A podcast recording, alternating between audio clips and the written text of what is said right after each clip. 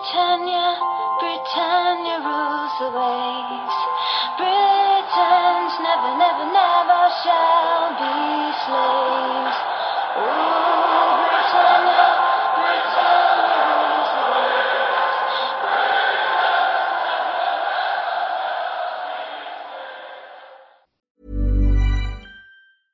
Ryan Reynolds here from Mint Mobile. With the price of just about everything going up during inflation, we thought we'd bring our prices down. So to help us, we brought in a reverse auctioneer, which is apparently a thing. Mint Mobile unlimited premium wireless. Ready to get 30, 30, bit to get 30, bit to get 20, 20, 20, bit to get 20, 20, bit to get 15, 15, 15, 15 just 15 bucks a month. So, Give it a try at mintmobile.com slash switch. $45 up front for three months plus taxes and fees. Promo rate for new customers for limited time. Unlimited more than 40 gigabytes per month. Slows. Full terms at mintmobile.com.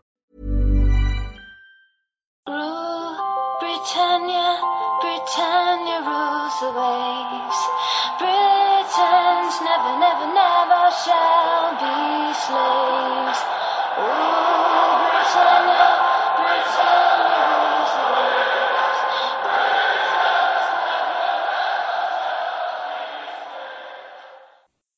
Varmt, varmt välkomna till avsnitt 93 utav Svenska FPL-podden. Vi ska prata ner Game Week 7 och blicka fram emot Game Week 8 som är sista gameweeken innan säsongens andra landslagsuppehåll.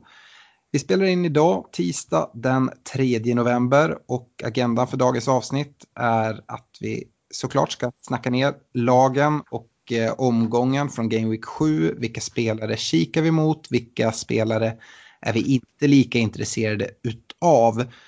Vi kommer ha en veckans diskussion som handlar om kaptensrotation. Vikten av kaptensvalen här är ju direkt avgörande för hur det ska gå i fantasy. Så jag har sett en sak som jag skulle vilja eh, dryfta och eh, ja, lyfta för eh, både eh, er lyssnare men även Kristoffer som är med mig idag. Vi kikar snabbt in i poddlaget. Vi eh, kommer med veckans rekommendationer fullt av en kaptensdiskussion innan vi ska ge oss i kast med alla de lyssnarfrågor som ni har skickat in. Det har varit en hel, hel del. Några av lyssnarfrågorna svarade jag på direkt på vår Facebook-sida för att eh, jag inte kommer ha med dem.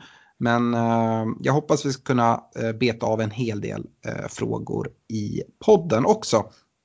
Innan vi går igång tackar vi som vanligt våra samarbetspartners i Olka Sportresor, Unisportstore.se och Glenn Sportsbar. Uh, yes, jag ska även nämna det. Vi har ju det här eh, eventet med, med Glenn, det här den 21 november. Nu kom det kor nya coronadirektiv eller rekommendationer och eh, vi har haft en del lyssnare som har hört av sig och varit lite oroliga kring eventet, vad som händer, kommer det fortfarande bli av?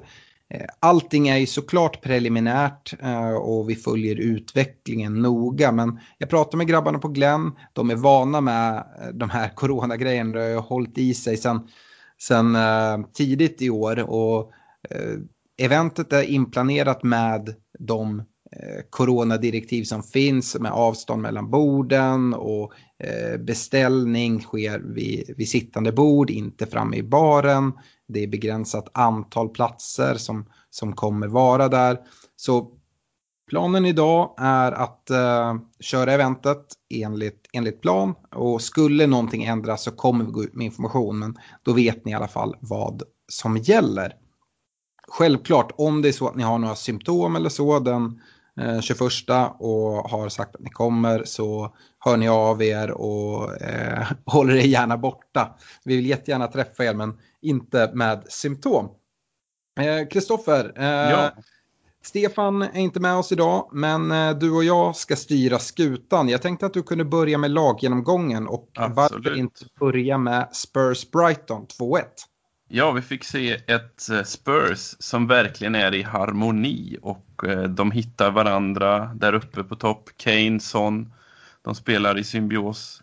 Sa jag ju tidigare, eller förra veckan också, men de är fortsatt där. Vi fick se en Mourinho-roulette som eh, vi inte har sett innan. Han roterar på ytterbackarna. Det har varit ett tag nu, men han börjar likna Pep mer och mer, så det är svårt att sätta en ytterback i Tottenham. Men Reguljon gjorde en fantastisk match i denna och eh, kommer med eh, mycket uppåt i anfallen. Eh, kan det vara för att Son kliver in mer i banan? Doherty får stanna på sidan och hålla sig och skydda defensiven lite mer. Kane kommer undan med poäng, gör mål och Gareth Bale kommer in igen. Han gör poäng, fint mål. Han är eh, snart startklar tror jag och ehm, jag tror att ehm, snart är det dags att sätta in honom men vänta några omgångar för nu börjar det bli svårt för Spurs och deras schema vänder väldigt mycket. Då de har City, Chelsea, Arsenal, Crystal Palace och Liverpool. Men eh, kommande match är först West Bromwich. Så håll kvar dem och ehm, klara på kaptensdiskussioner och potential i Kane och Son. Ett Brighton då, där eh, yttrarna fortsätter att imponera och eh, kommer ju av plan med mål denna gången. Han eh, fortsätter att forcera längs kanten. Men eh, glöm inte även Solly March på andra kanten har extremt fina siffror, underliggande statistik och eh, gör det fantastiskt bra även där. Man ser att Dunk eh, saknas där bak. Så det är lite, lite, eh, lite rörigt i backlinjen. Eh, vi ska tillägga det att både Lämti och Solly March eh, går med lite små skavanker i lårskador och liknande. Så lyssna in presskonferenserna innan man går och, över till dem. Men schemat är ändå okej okay, så att de går att sätta på bänken då det är prisvärda killar. Eh, Mopay och övrig offensiv kraft. Mopay var inte med denna matchen, men eh, eh, Pascal Gross, Trossard och eh, Lalana hade det tufft att ta sig förbi eh, Dyer och eh, Alderweireld framförallt i mitten där. Har du något mer att tillägga Alex?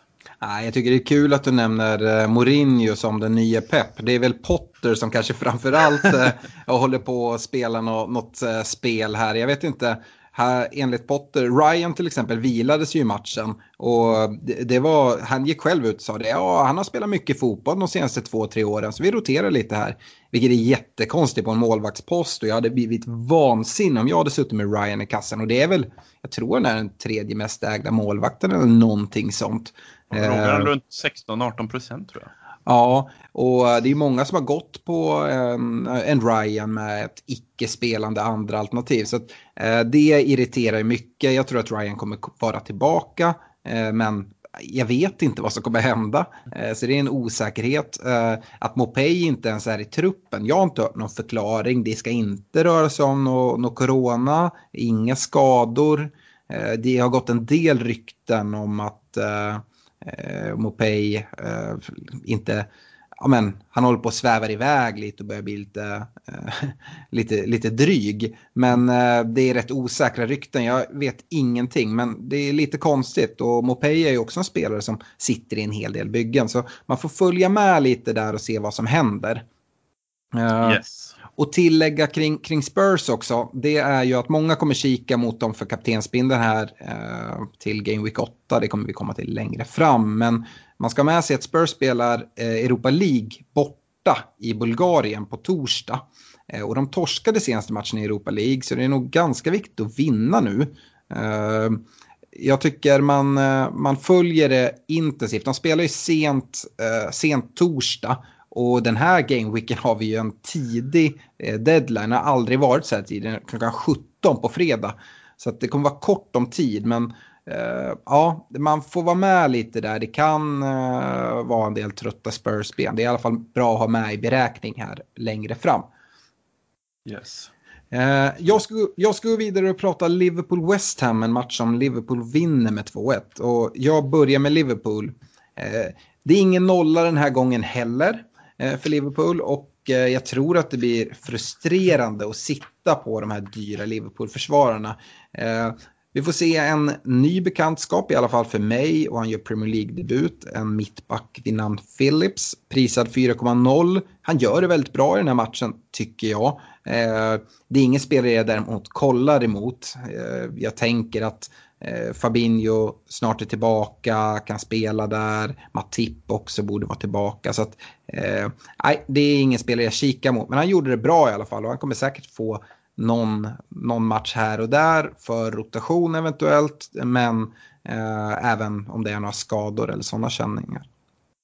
Jag tycker att det finns ett case att lämna Liverpool-försvaret helt. Jag vet att eh, vi tidigare har pratat om att eh, Eh, om man har suttit med både Trent och, och Robertson till exempel att eh, kanske Max har kvar en. Men jag tycker även det finns ett case att, att lämna det helt. Vi har fått en del lyssnarfrågor på det som vi kommer ta i slutet av programmet med, med vettiga ersättare. Men det finns bra ersättare där man dessutom sparar in en del pengar.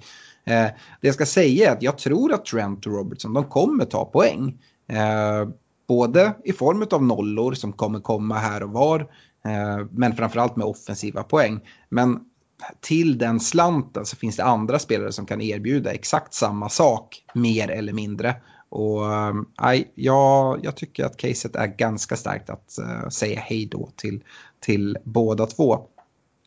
Eh, annars så har vi en Jota som är glödhet med mål igen här emot West Ham. Eh, han har gjort eh, tre, eh, tre mål på de tre senaste om man kollar all competitions. Då räknar jag inte ikväll för Liverpool spelar ju borta mot Atalanta idag. Han har ju redan gjort två mål där. Men matchen pågår nu. Men som sagt, han är glödhet. Kollar man i ligan så har han gjort tre mål på fem ligamatcher. Eh, kan vara intressant. Eh, jag tycker framför allt att han ikväll nu i Champions så spelar de ett 4-3-3 och vilar Firmino. Men annars så verkar han ha en startplats när Liverpool väljer att spela ett 4-2-3-1 system. Uh, och kanske mer att han är en, en rotationsspelare i ett 4-3-3. Eh, där Firmino kanske ändå är första valet. Men med den fina form Jota visar nu så kanske Klopp bara kör på med honom. Eh, man ska också säga det att Jota har ju ett bortdömt mål här mot West Ham eh, där Mané annars hade fått en assist. sen så, ja, Salah, Mané. Det, är fortsatt den. Jag, jag, tycker att man behöver ha någon av dem. Om man nu ska överge deras eh, defensiv så ska man definitivt sitta med en av dem. För mig så faller valet ändå på, på, på Sala. Eh, kollar vi West Ham då? Ja, vi har ju pratat om det väldigt länge men nu vänder schemat.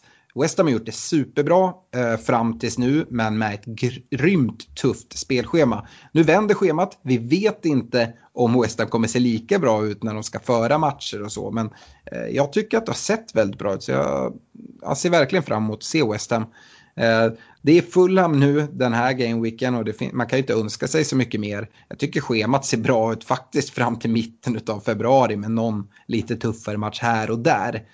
Frågan är då, vart vänder man sig? Vilka spelare ska man plocka in?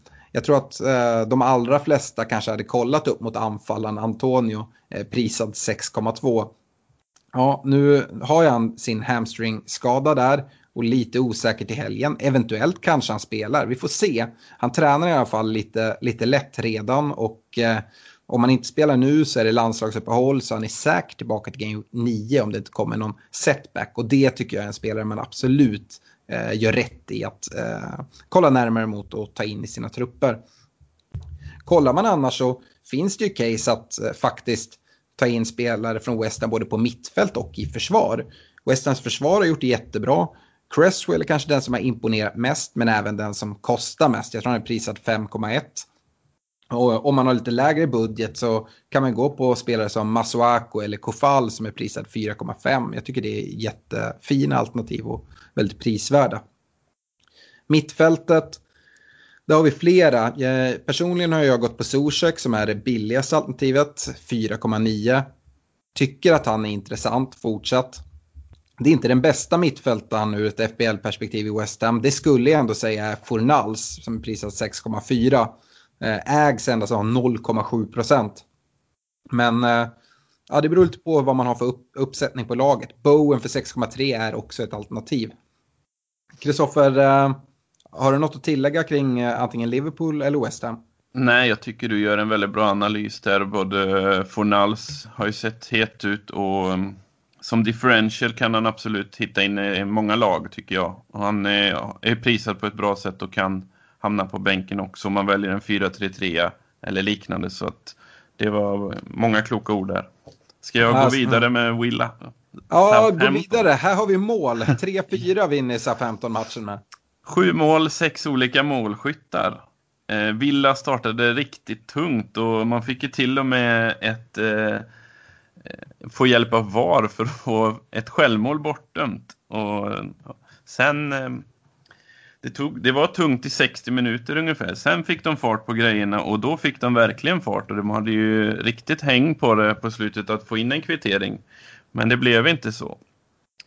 Eh, Ross Barkley gör det bra i denna matchen. Förra matchen var lite, lite på eh, efterkälken i alla dueller tyckte jag. Men i denna matchen så är han ett eh, väldigt bra komplement till eh, Grealish och Watkins och han kommer med mycket i offensiven. Nämnde Grealish och Watkins eh, ska finnas med. Schemat ser fortsatt fint ut och ehm, eh, håll kvar era spelare om ni inte är eh, och var, bli inte oroliga för att de förlorar denna matchen. Eh, Martinez har många valt att gå på i kassen. Han gör det bra men eh, målen här det är ju två riktiga rökare från Ward Prowse och en eh, språngnick från eh, två meters Västergard som inte går att stoppa riktigt. Och även eh, Ings mål är en riktig kanon så att eh, inte döma honom för det. Han kommer få skott på sig och rädda dem och han kommer hålla nollor framöver då eh, matcherna är gröna. Så det är bara Arsenal men jag skräms inte så mycket av dem. Auba har eh, sett bra ut men eh, jag tror att man kan sitta rätt lugnt där. Han vet ju hur de spelar också. Southampton däremot, de satte fart från början. Som jag sa, de fick ett mål bortdömt, ett självmål där på Ward Prowse födelsedag så firade han med 2 plus 1. Två riktiga kanoner.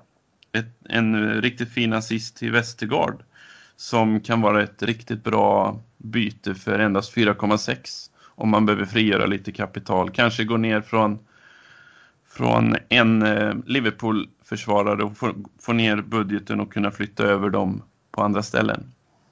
Vi fick se Dennings kliva av skadad. Vi vet inte än. Jag har inte fått så mycket status på honom. Du kanske har bättre information där framöver. Eh, eh schemat är hanterbart och det finns bra matcher att eh, fånga upp. Men eh, om Ings är borta så är, är offensiven lite försvagad. I mittfältet är starkt med Ward Prowse. Romeo håller, i, håller ihop där och än så länge så är han utan avstängning. Eh, vi vet inte, den kommer snart komma. Han är helt levrad. I denna matchen så är det eh, Bertrand som övertrumfar sin eh, högerflanksgranne eh, i eh, offensiv utdelning då han gång efter annan kommer efter kanten och han eh, har sett bra ut på slutet. Så jag, i, i nuläget så går jag på Bertrand för Walker Peters. Men båda är bra alternativ. Har du något mer att tillägga Alex? Eh, ja, men några saker som, som jag tar med mig. Dels, eh, jag, jag och Stefan hade länge en diskussion, inte i podden kanske så mycket, men utanför podden om eh, hur det ser ut i Villa med straffarna. Jag jag kände att eh, Barkley nog mycket väl kan ta en straff här eh, framöver och Stefan trodde mer på Grealish. Men eh, det vi ser här när både Barkley och Grealish är på plan är att Wat Watkins tar, stra tar straffarna. Och det blir jag väldigt glad över som Watkins-ägare och tycker det stärker caset för honom än mer. En billig forward som, som tar straffarna i Villa som är ja, men, snabb, Villas fina spelschema. Det tar jag med mig. Jag antar att han fortsatt kommer lägga straffarna. Uh, jag tycker även att Villa är värda mer. Uh, det vi ser, Absolut. precis som du är inne på, James Ward-Prowse ja, på liggande boll det är dumt av Villa att ge honom de möjligheterna för han är en av ligans bästa på just liggande boll. Eh, kollar man expected goals-siffrorna eh, så talar det sitt tydliga språk. Eh, Villa hamnar på 2,0 och Southampton 0,68. Så Southampton överpresterar verkligen. Dock ljuger de här expected goals-siffrorna lite eftersom att de inte tar med James Ward-Prowse på liggande boll i de siffrorna. För att eh, men får han de lägen som han får, det är liksom det är där han lägger upp bollen på träning när han ska slå frisparkar. Man får välja själv. Eh, men eh, jag tycker Villa har lite oflytt som inte får med sig eh, någon poäng alls här. Absolut, det håller jag med om. Har du hört någon status på Ings? För jag hittar ingen info än så länge om det. Ja, jag hörde han har varit iväg och, och kollats men det är inga definitiva besked. Så precis som du säger här avvaktar man presskonferenser, ser om man kan få nå, någon information där. Yeah. Eh, jag går vidare med Sheffield United, Manchester City. Uddamålsseger 1-0 till City och vi börjar väl med City såklart. Eh, en spelare som Stefan har pratat väldigt mycket med mig om och försökt bygga ett case kring som jag nu helt är med på. Det är Cancelo. Eh, gör det jättebra här. Prisad 5,4. Eh, kollar man på att gå ner från exempelvis Trent eller Robertson är han ett vettigt alternativ. Kanske inte just nu. Eh, eh City spelschema vänder ju framförallt i och med Game Week 10. Nu har de Liverpool eh, och Spurs innan dess. Men eh, Cancelo, mycket bra bonusspelare. Eh, sedan eh, Game Week 5 då han fick chansen så snittade han 7 poäng. Eh, mot Sheffield så var det den spelare som skapade flest chanser av alla. Och då ska man säga att då det är till och med mer än Kevin De Bruyne som annars brukar leda det här jämt. Eh, och den här säsongen så är han den sittspelare som har skapat näst mest chanser då bara slagen av De Bruyne. Eh, och då har Cancelo bara spelat tre matcher. Eh, ser jätte, jättefin ut. Så eh, jag tycker han är jätteintressant eh, att leta efter försvarsspelare.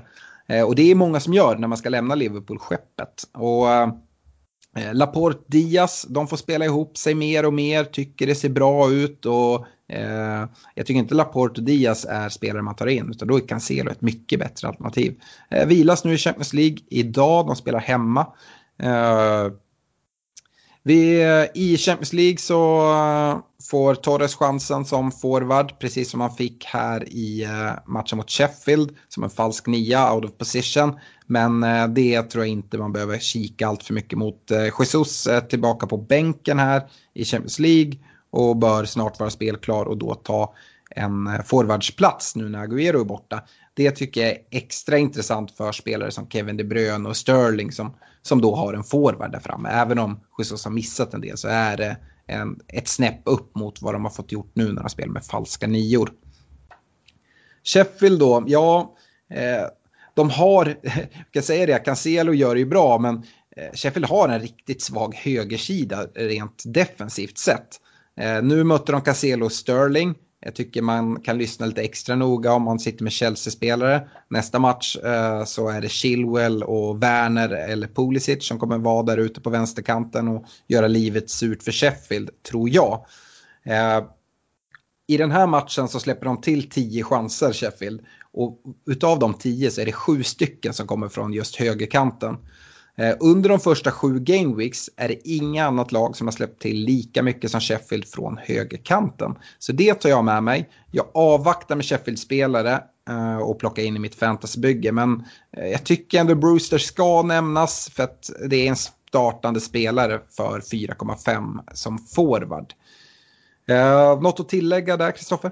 Nej, jag tycker det är väldigt fina omdömen du har att uh, säga där om uh, Cancelo och uh, som du även säger Brewster, han är ett case. Men jag avvaktar lite just med Sheffield i, i eget fall där. Ja, nu väljer jag att fokusera mycket på det kring Cancelo. Jag tycker ja. han är ett jättebra alternativ. Självklart De Bruyne och Sterling är spelare man kikar mot. Dock inget jag tar in än nu sett till att Liverpool väntar här i Game Week 8 åtta landslagsuppehåll, det kan hända skador och sådana saker och sen så är det Spurs efter det. Så att, men redan nu bör man ha någon plan för att eh, få in City-spelare eh, till eh, när spelschemat vänder och då såklart lockar ju Sterling och De Bruyne då de eh, gärna kan tänka sig kliva på en kaptensbindel eventuellt. Om några veckor så får vi ett riktigt fint schema på City. Så att, eh... Ja. Eh, kan inte du fortsätta med Newcastle-Everton 2-1? Det ska jag göra. Och eh, vi nästan får säga Wilson och, eh, mot Everton. För det är ju Wilsons riktigt fina statistik som talar för honom. Och eh, de är ju inte så målglada, men de har han, honom där och han står ju för eh, 60-70 procent av deras mål. Och ehm, är han på plan så, och eh, Newcastle har ett bra schema så ska man ha honom i laget. Han gör alltid mål och är alltid farlig framåt. Vidare så tycker jag att eh, fembackslinjen håller, eh, håller emot bra mot eh, Everton som inte visar mycket offensivt i denna match dock. Jag blev glad att se Frazier komma in och vara riktigt pigg när han kom in på kanten. Almiron hade ju gjort det innan väldigt bra, men han kommer in och, och eh, extremt pigg på sin kant. Han kanske snart är i, i fullt slag och eh, kommer hota om en startplats. Eh, men frågan jag ställer mig är, kommer de ta sig igenom Southampton och Chelsea som väntar? Eller eh, ska man vänta några gameweeks tills det blir lite lättare schema för att ta in Wilson?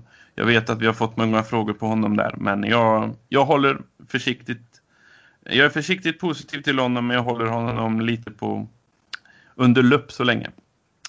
Darlov gör det bra i kassen och eh, kollar man på ett eh, wildcard nu efter eh, landslagsuppehållet så kan han vara ett case. Men eh, han är prisad lite över de här 4,5 så jag tycker eh, ja, han är ett bra case i alla fall. Så ha med han i tanken men eh, bygg inte för mycket kring honom kanske. Everton då, man ser att de saknar Chames, James, Digné, Coleman och Richarlison. Det blir inte riktigt samma sätt, samma spel. Eh, det är viktiga pjäser det här. Framförallt ytterbackspelet med Digné.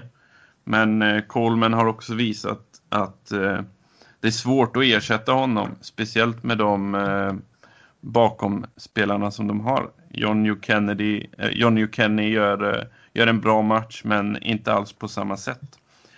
Richarlison eh, saknas jättemycket då han bidrar väldigt mycket i offensiven och hjälper och avlastar Calvert-Lewin. Och som eh, nämnde Calvert-Lewin, han fick inte de bollarna han ville eh, ha och behöver för att eh, vara den målsprutan.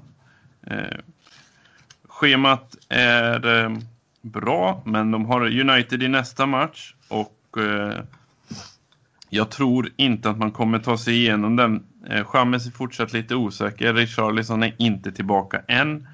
Dock är Digné tillbaka, vilket kan vara en extrem tillgång. Eh, men sen blir schemat lite lättare och så släpp inte dina Everton-gubbar än utan håll dem eh, kvar. Men eh, kanske inte ha för många, men någon i alla fall tycker jag man ska ha. Ja, på Newcastle-spåret där så måste jag bara gå in direkt. Alltså Carl Darlow, nu, nu Kristoffer, nu måste du ha tappat det. Han ska inte in i något wildcard. Uh, uh, där, där, säger jag emot, det finns bättre alternativ. Uh, det är i alla fall min synpunkt.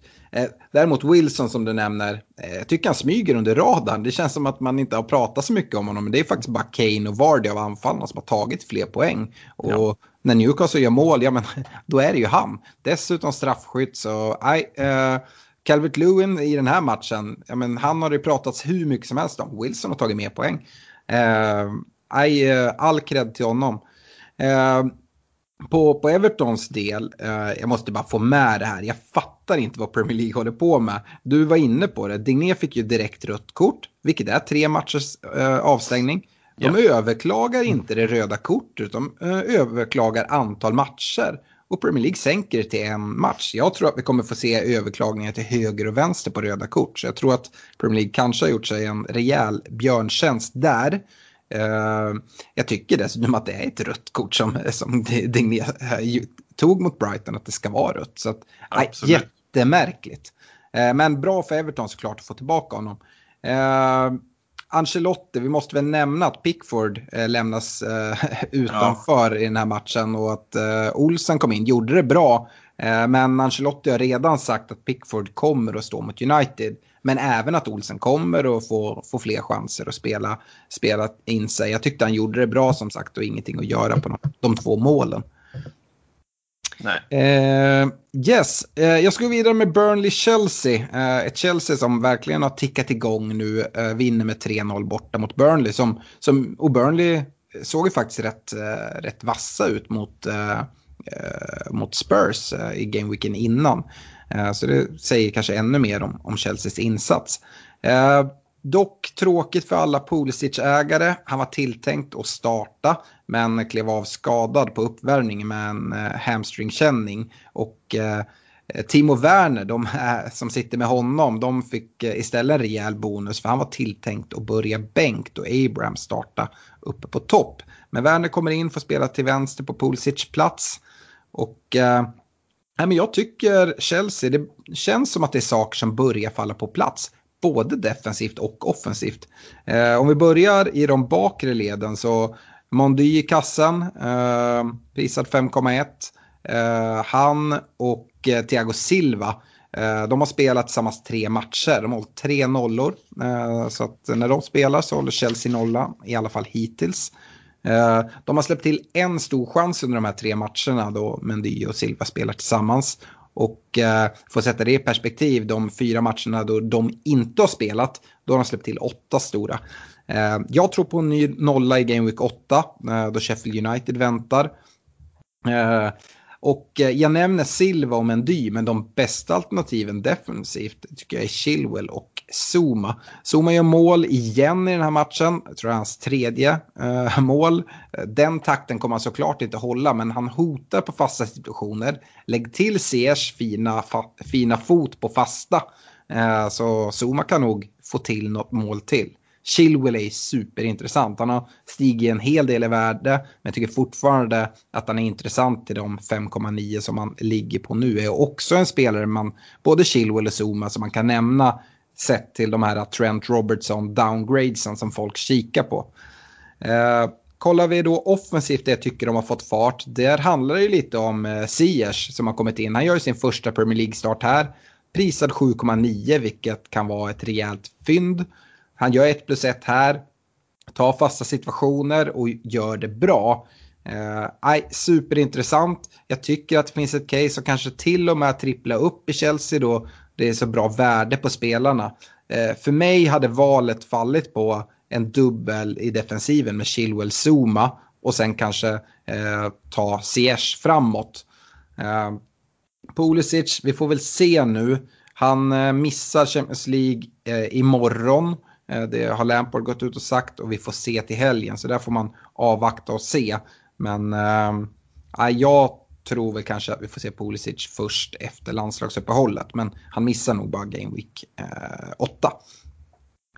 Äh, eh, ja, jag var inne på det tidigare när vi pratade Sheffield United eh, och deras svaga högersida. Så jag flaggar upp återigen för Chilwell och eh, Werner då om det inte är så att det är Pulisic som kommer tillbaka till helgen i alla fall.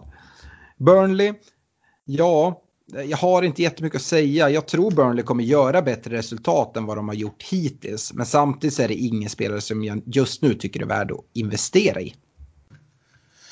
Det finns inget värde där som du sa, men eh, vi såg matchen eh, senast att de kunde stänga ner motståndare så var lite uppmärksamma när det kommer eh, storlag på besök för då kan de stänga ner. Och Ja, och det, det tycker jag att, det, att de kan göra. Men jag ser inte att det är någon spelare jag vill ta in därifrån defensivt ändå. Men man kanske kan ha med sig det att om man går och lutar med en kaptensbindel när ett, ett lag ska möta Burnley. Ja, men det kanske inte är ett, en superbra eh, match alla gånger. Men eh, Eh, inte investera, det gör inte jag i alla fall.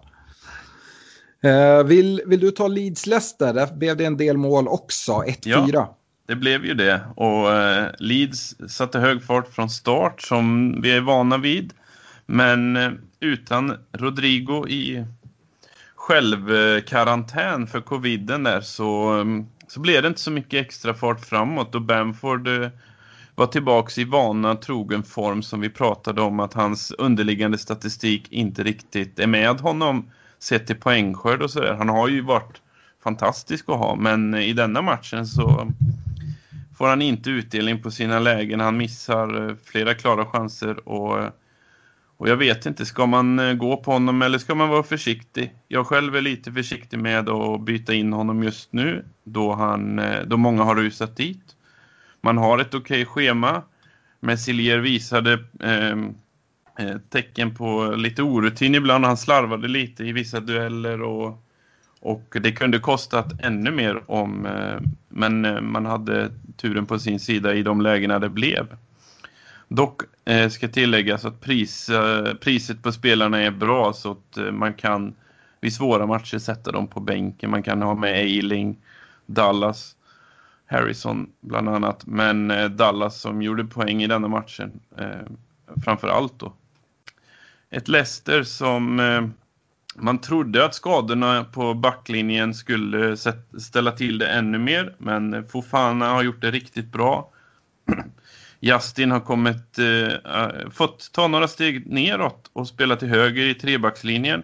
Vi har ju pratat om nu kanske det snart är dags för honom att lämna skutan, men nej då.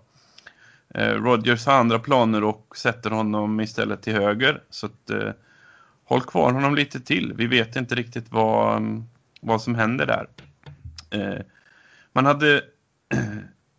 det funkar bra, men eh, man hade en lite mer defensiv inriktning på yttrarna denna matchen, i alla fall i Albright som inriktade sig lite mer på defensiven, vilket gav utdelning då eh, um, Vardis slit och han kommer till lägen.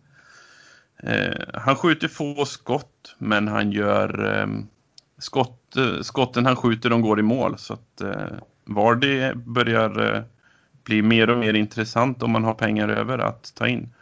Eh, han är dyr, men ehm, eh, han, han, ja, det finns ett case att snart ta in honom tycker jag. Eh, Tillemans gör en riktigt bra match, går av med tre bonuspoäng och han styr och håller ihop mittfältet. Barnes eh, har fortsatt bra form, men eh, vi ser tendenser att eh, han blir utbytt allt tidigare och eh, Ynder gör det riktigt bra när han kommer in.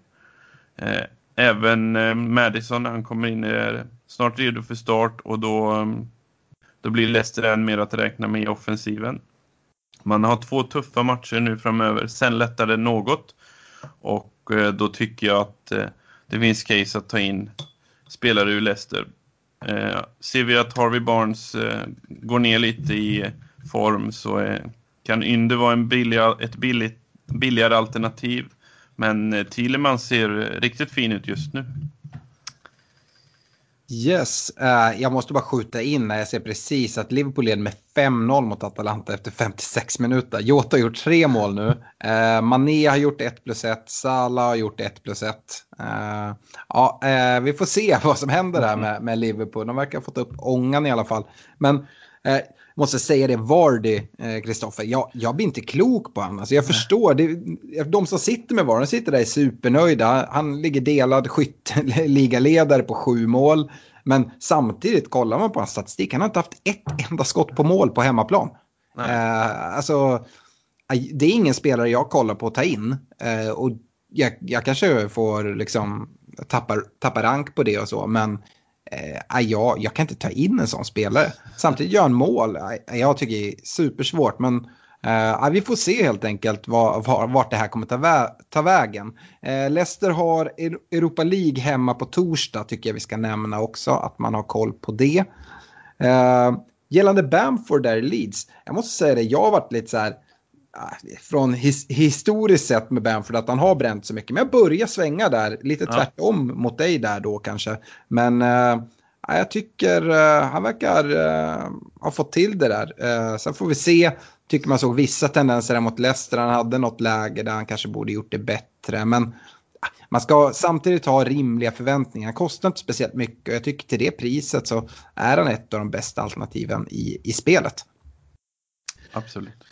Eh, jag ska gå vidare med en match jag egentligen inte ville prata någonting om. Eh, men är glad att Stefan inte är med oss idag. Eh, Arsenal vinner ju 1-0 borta mot United. Och tack vare Pogbas klumpiga, jag vet inte om man ska säga försvarsspel, men han drar på sig den där dumma straffen. Det är United hemma på Old Trafford och Uniteds hemmafacit det är Ah, det är riktigt dåligt alltså. Kollar man eh, Premier League, eh, facitet de senaste sex hemmamatcherna, så har man inte en enda vinst. Man har, man har tre stycken oavgjort och tre förluster. Och det har inte varit superjobbiga motstånd ändå. Eh, jämför man med, med senaste sex bortamatcherna, men då har man sex vinster.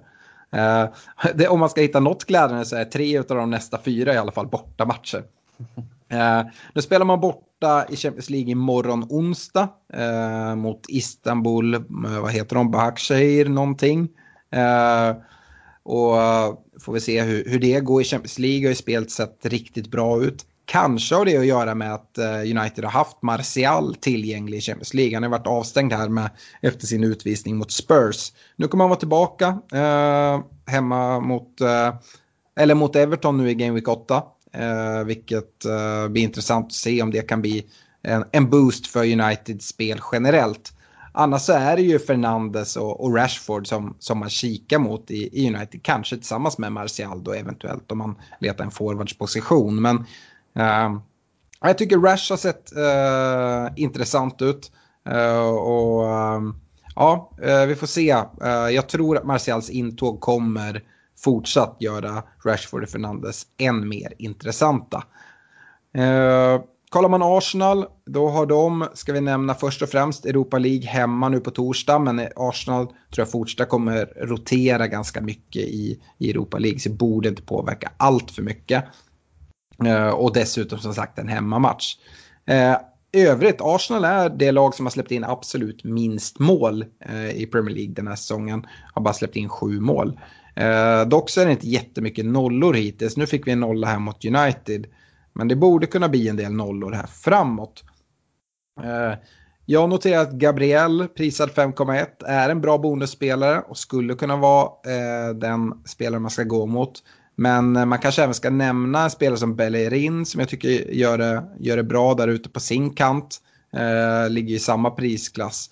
Om man kollar uppåt så är det Tierney för 5,4 men då går jag nog hellre billigare. Eh, och ännu, ännu billigare är ju Holdick på 4,4. Dock är jag osäker på om han kommer hålla sin plats när eh, Luis är tillbaka i försvaret. Just nu så är jag faktiskt inte intresserad av offensiven hos Arsenal. Eh, även om schemat lättar lite nu så är det kanske framförallt defensivt eh, där eh, Arteta verkligen har fått eh, Arsenal att tajta till sig lite. Eh, Yes, uh, jag tänker inte ens bolla in dig där Kristoffer. Jag vill inte höra mer om den här matchen. Uh, Fulham West Brom, 2-0 till Fulham. Ja, och äntligen fick ju Scott Parker och Fulham en seger. Eh, det har ju tagit sin lilla tid, men eh, vi som har suttit kvar med Mitrovic fick ju äntligen lite utdelning i offensiven då han står för två assist i denna matchen.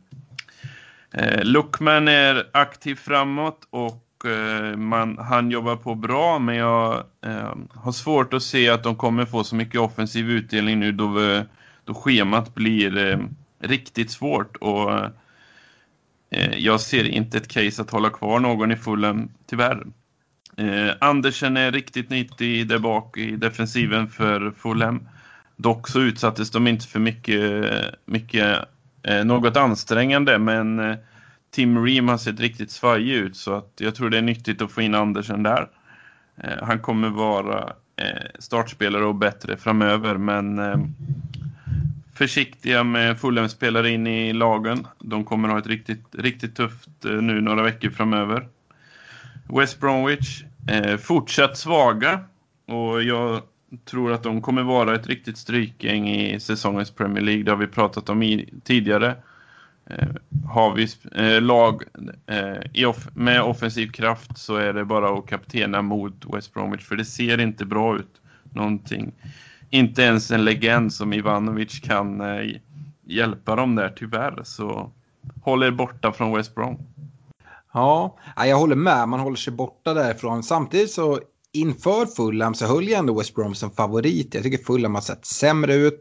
Och West Brom har faktiskt styrt upp sitt försvarsspel om man har kollat statistiskt här de senaste matcherna. Nu mot Fulham såg det inte bra ut. Och det kanske stärker caset för att kaptenen spursar det här till, eh, till helgen.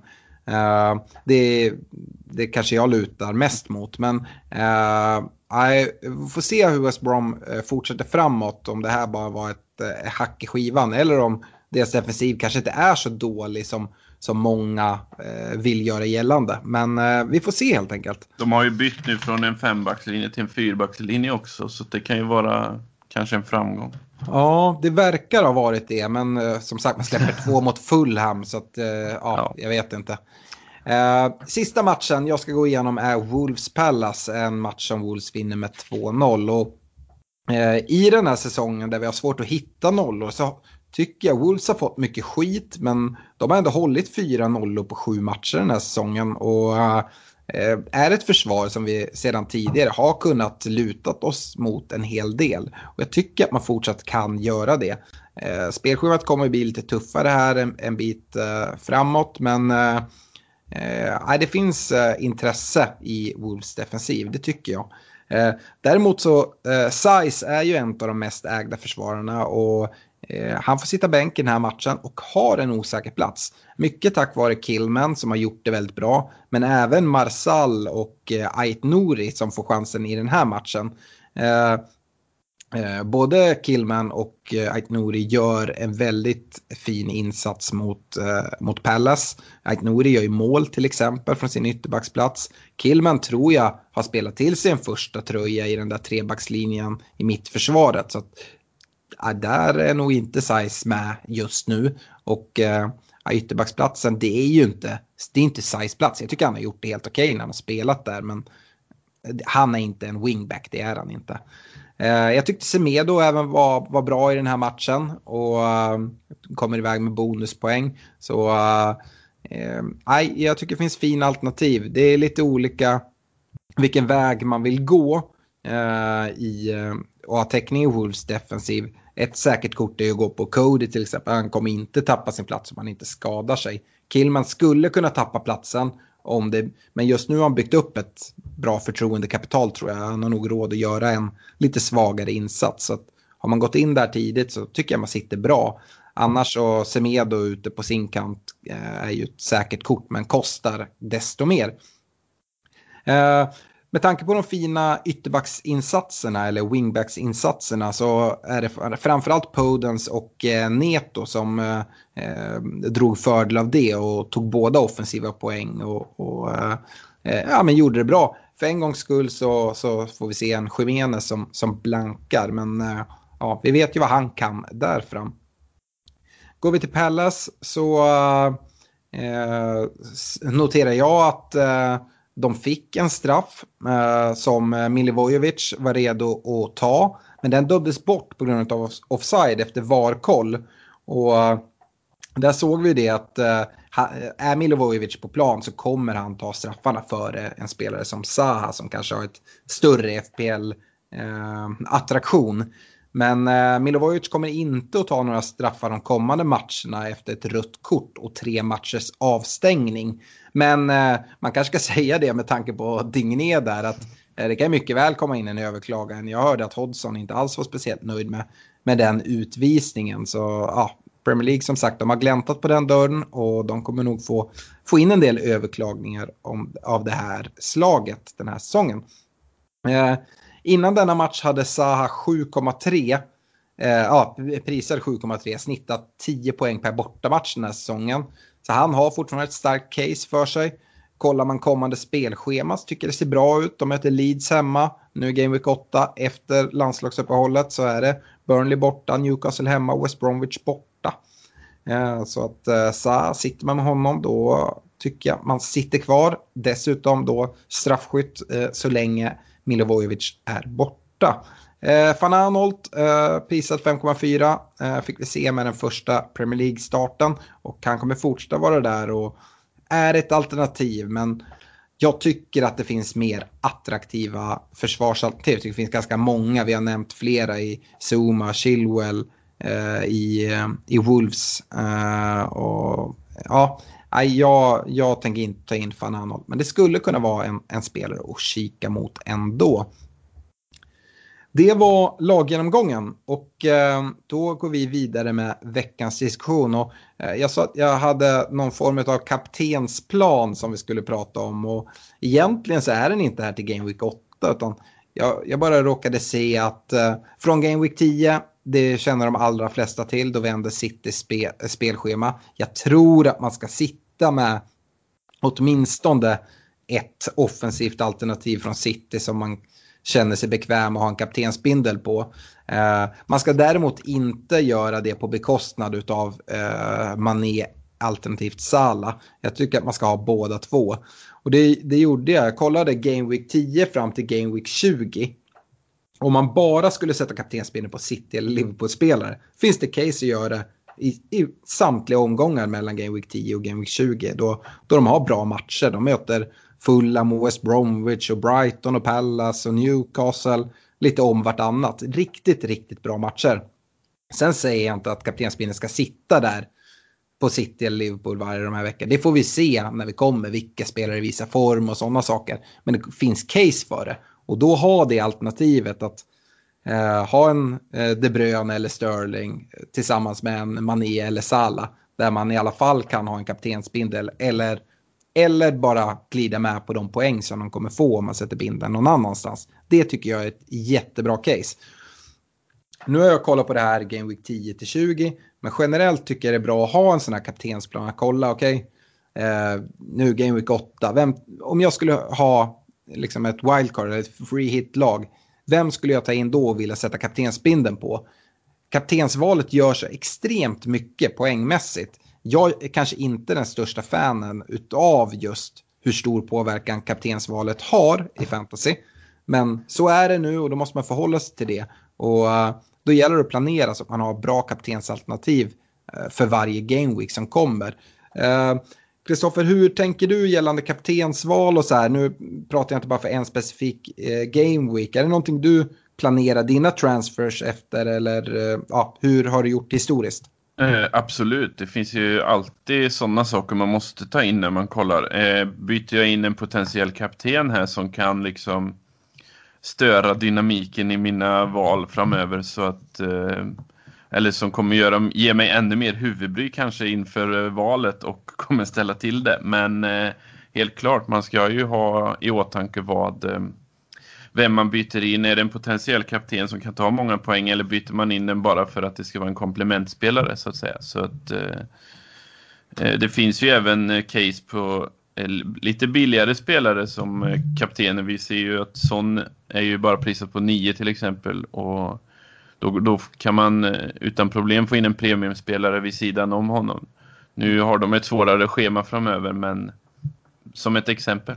Ja, nej absolut. Jag säger inte att man ska kaptena de, sina dyra spelare. Samtidigt säger jag det att om man nu investerar väldigt mycket pengar i, i en Mané eller Salah så eh, har man ju ett kaptensalternativ som man nästan kan vara trygg med varje vecka. Eh, min starka rekommendation det är att eh, sitta med eh, både ett premiumalternativ på mittfältet från både Liverpool och City från Game Week 10. Om det inte skulle vara så att vi ser någon liksom, trend på att eh, något av lagen går riktigt, riktigt tungt.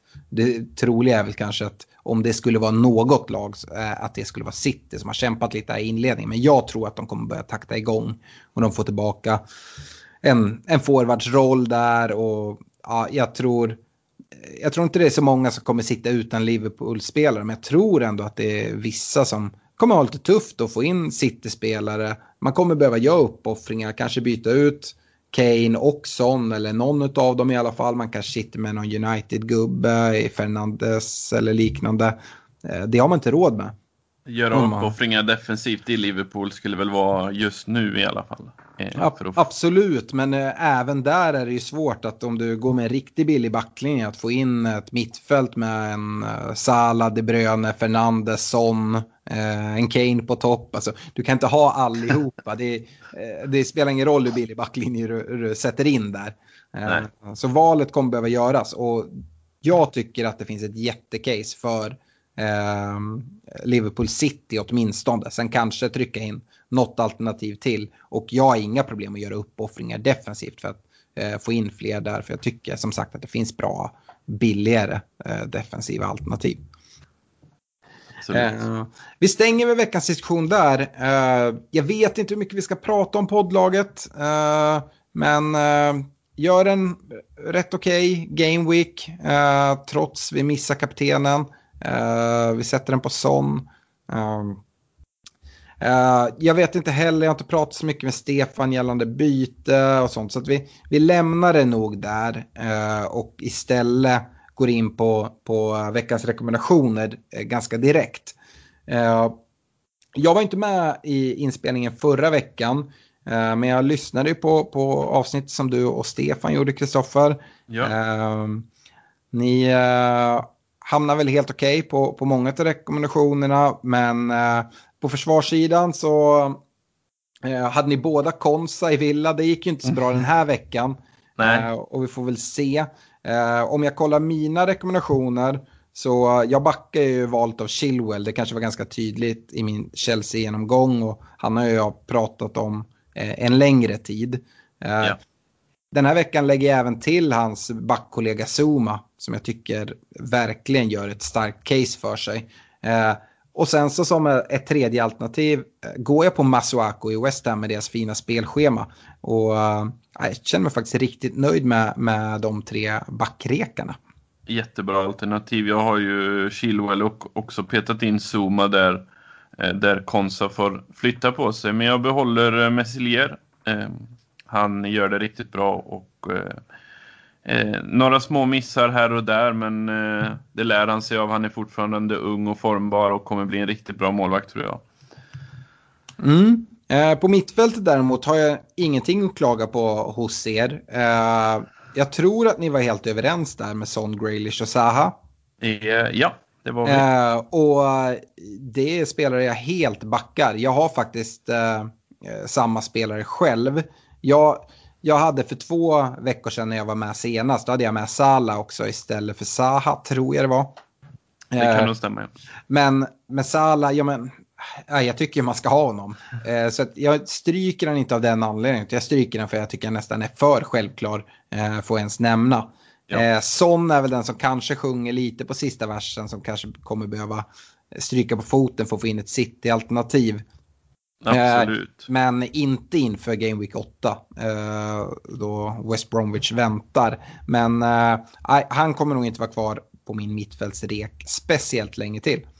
Jag skulle även eh, hålla ögonen på Ziyech där som du också har nämnt. Mm. Så att eh, han kommer snart eh, finnas i mittfältsdiskussionen i många lag tror jag. Verkligen.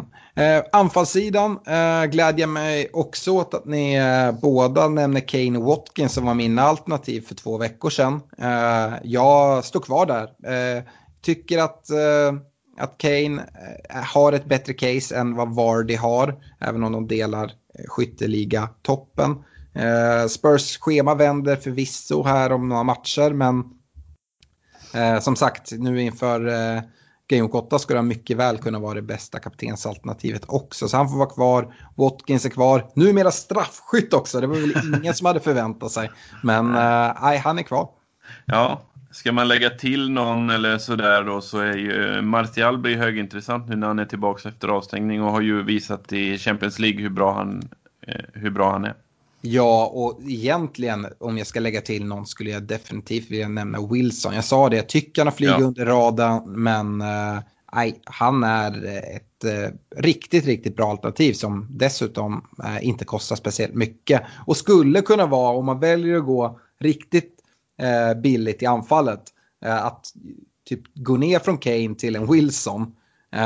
Och liksom investera väldigt mycket i det här mittfältet som jag var inne på. Men då kanske man har helt plötsligt har råd att sitta med en, eh, med en Salah, en De Bruyne, eh, behålla Son kanske till och med, ha eh, en United-mittfältare och kanske Ziyech, alltså ett riktigt, riktigt starkt mittfält.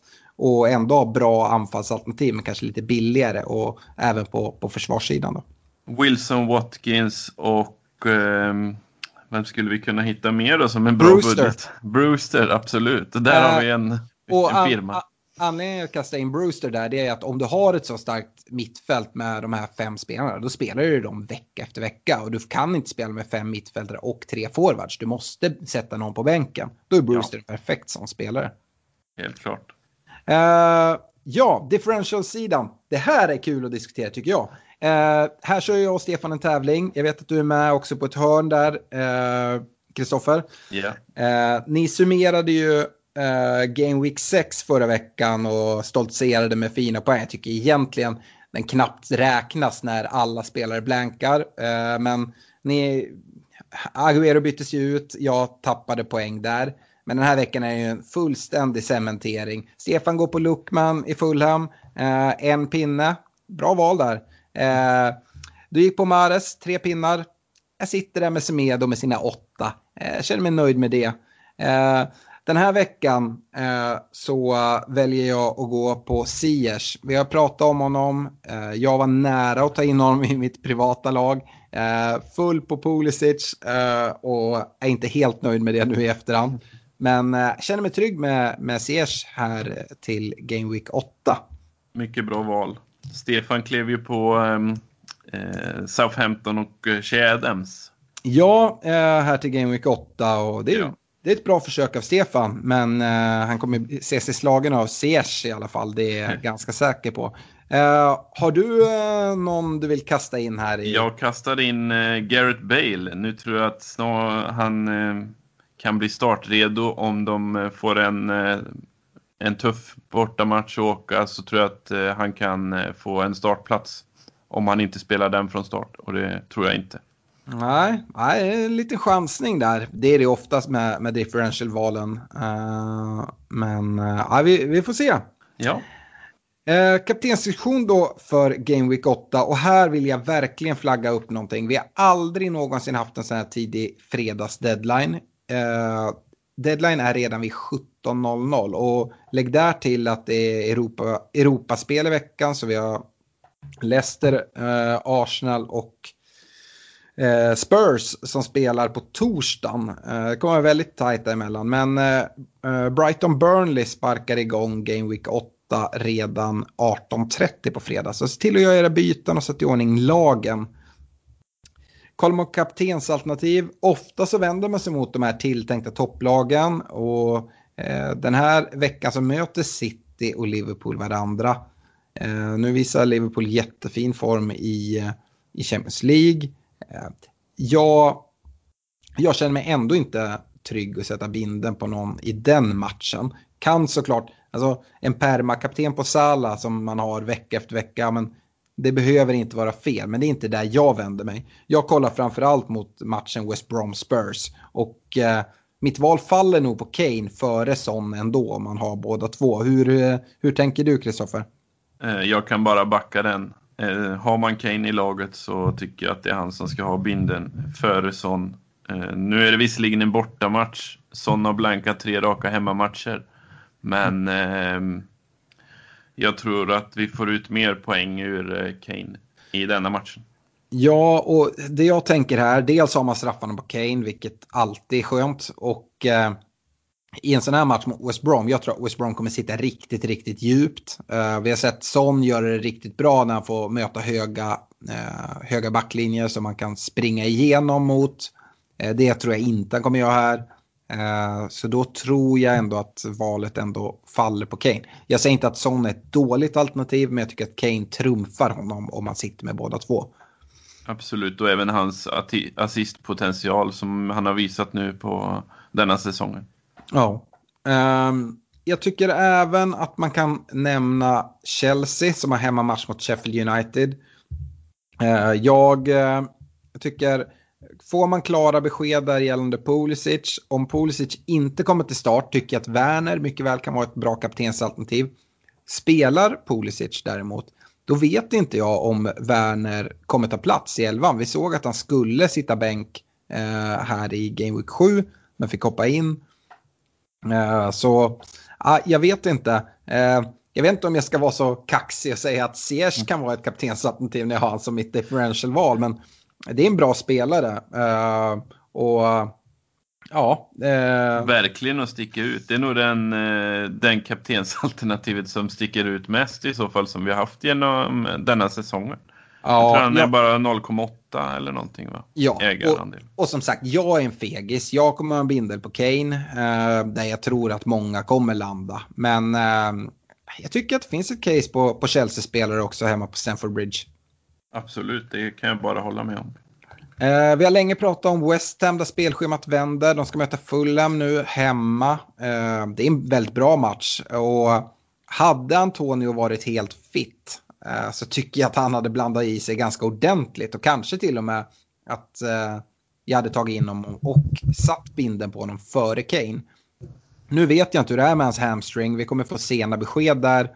Eh, jag Oh, osäker på om han kommer spela. Spelar han inte så tycker jag inte att man kan sätta kaptensbindeln på någon annan i West Ham. Det tycker jag inte. Men om man får klara besked att han kommer att starta, ja, varför inte? Men såklart, det finns ändå en risk, även om vi får besked att han startar, så har han den här hamstringkänningen. Det kan ju vara så att han kliver av efter 20 minuter och har slagit upp någonting. Det, det är en risk som finns. Så att, ah, det är vågat. Eh, en skadefri Antonio, ah, det hade absolut varit ett bra kaptensalternativ. Nu lite mer osäkerhet tycker jag. Absolut. Är det någon annan match som du vill lyfta eh, som man kan hitta någon kaptensbindel i? Jag tycker att Spurs är ett så bra alternativ fullt av Chelsea. Eh, så att ja, jag tycker man kan gräva djupt men... Ja, ska man ja. gräva djupt i lådan så eh, behöver inte Sa vara ett eh, dåligt alternativ mot ett eh, högtstående Leeds och som anfaller med mycket folk. För eh, vi vet att Pallas kan, kan spela defensivt och är eh, Sa i det slaget som han har varit så kan det vara ett case, absolut. Mm. Ja, för den vågade. Ja, verkligen. Då, då är man ute på hal is. Men, men vi måste ju... Ja, det, det finns ju dem. Ut. Ja, det finns ju dem också. Så att... Och det är ganska ofta de här äh, inte mest självklara kaptensvalen faktiskt överpresterar. Det svåra är bara att hitta exakt vem det är. Ehm, och går man på sannolikhet, ja men då är ändå sannolikheten att Cade kommer ta med poängen Sa skulle jag säga. Och även många andra. Men uh, ja, det behöver inte vara fel. Nej. Eh, jag nämnde det i början av programmet att vi har fått jättemycket lyssnarfrågor så det är bara att vi kastar oss in i det. Eh, jag har valt att dela upp det lite. Vi har fått, eh, till en början kan vi börja svara på en del frågor som rör försvarare. Vi har en Assad Amaya som har en hel del frågor. Jag har valt att svara, eller bolla upp en av dem. Yes. Och det har vi varit inne på lite redan. Men Liverpools backar, han sitter med både Trent och Robertson. Han undrar om det är rimligt att byta ut båda mot till exempel Chilwell och Digné och samtidigt frigöra pengar. Absolut. Nu, vi vet vilken inverkan Digné, Dignés offensiv har på Everton. Men eh, det är vågat att göra det nu när inte alla, hela ordinarie startelvan i Everton är tillbaka. Men ett jättebra val. Eh, absolut. Ja, framförallt så är det ett väldigt bra läge att byta ut Trent och Robertson när de ska möta City. Helt Så att eh, jag tycker det absolut finns ett case. Eh, vet inte om man har två fria byten eh, och om det är värt att ta minus för det. Men eh, Chilwell tycker jag absolut han kan ta in. Uh, tycker att Chilwell är ett bättre alternativ än både Trent och Robertson. Eh, Digné, ja, jag är lite inne på samma som dig där. Att, eh, eh, om det är helt rätt läge med Everton, det vet jag inte. Men eh, eh, han, han, han, är fin.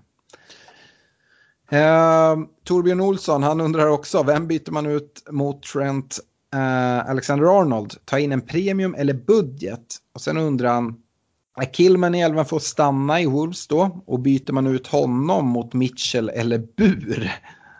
Oj, nej det hade jag aldrig gjort. Eh, nej, alltså Killman, sitter man med honom så tycker man sitter jättebra. Jag tror att han är i elvan för att stanna. Kanske inte över hela säsongen, men som det ser ut just nu har han verkligen byggt ett case för sig och verkar vara första alternativ där i, i trebackslinjen. Yes, det håller jag med om.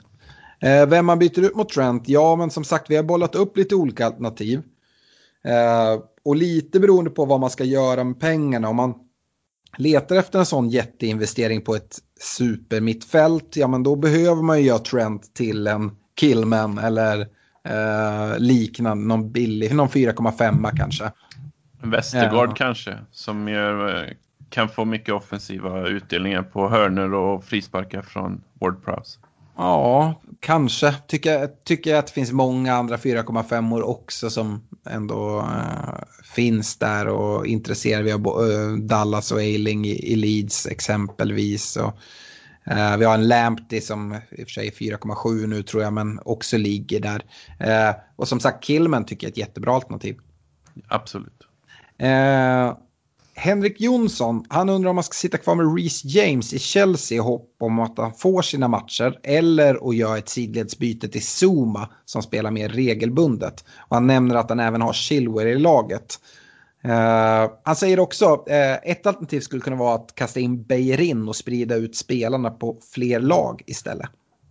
Eh, uh, Beirin behöver inte vara fel, Eh, men jag hade nog gått på Zuma-spåret och jag ser eh, mer poängpotential i, i offensiven för honom där och i eh, Chelsea framöver.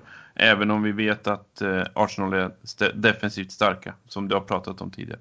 Ja, jag tycker att det är en liten coin flip där. Jag tycker att Reece James, jag tycker för mycket osäkerhet på honom. Uh, han gör det ju bra när han spelar, men Aspi ska ju ha speltid som Chelseas kapten. Uh, jag tror också Chelseas defensiv, jag pratar mycket om det i, i laggenomgången, jag tror på den. Nu när eh, det verkar som att Mondy i kassen ger en annan trygghet. Thiago Silva och Zuma verkar spelas in som ett stabilt eh, förstahandsval i, i, i mitten där. Eh, så det går absolut att, att dubbla upp i, i, i, Chelsea. Men det är lite vad man är för spelare där, eh, fantasy-spelare, om man ändå vill sprida riskerna. Ska man göra det tycker jag att Beirin är ett jättebra alternativ. Så att eh, Henrik, eh, du får känna efter själv där om du känner dig trygg med att dubbla Chelsea eller gå på Beirin. Jag tycker oavsett, eh, båda alternativen är riktigt, riktigt bra. Uh, om vi hoppar över på lite frågor kopplat till forward så eh, en vän till mig, Andreas Byström, skriver in. Eh, kommer Mitrovic komma igång nu efter sina två ass eller ska man kasta honom?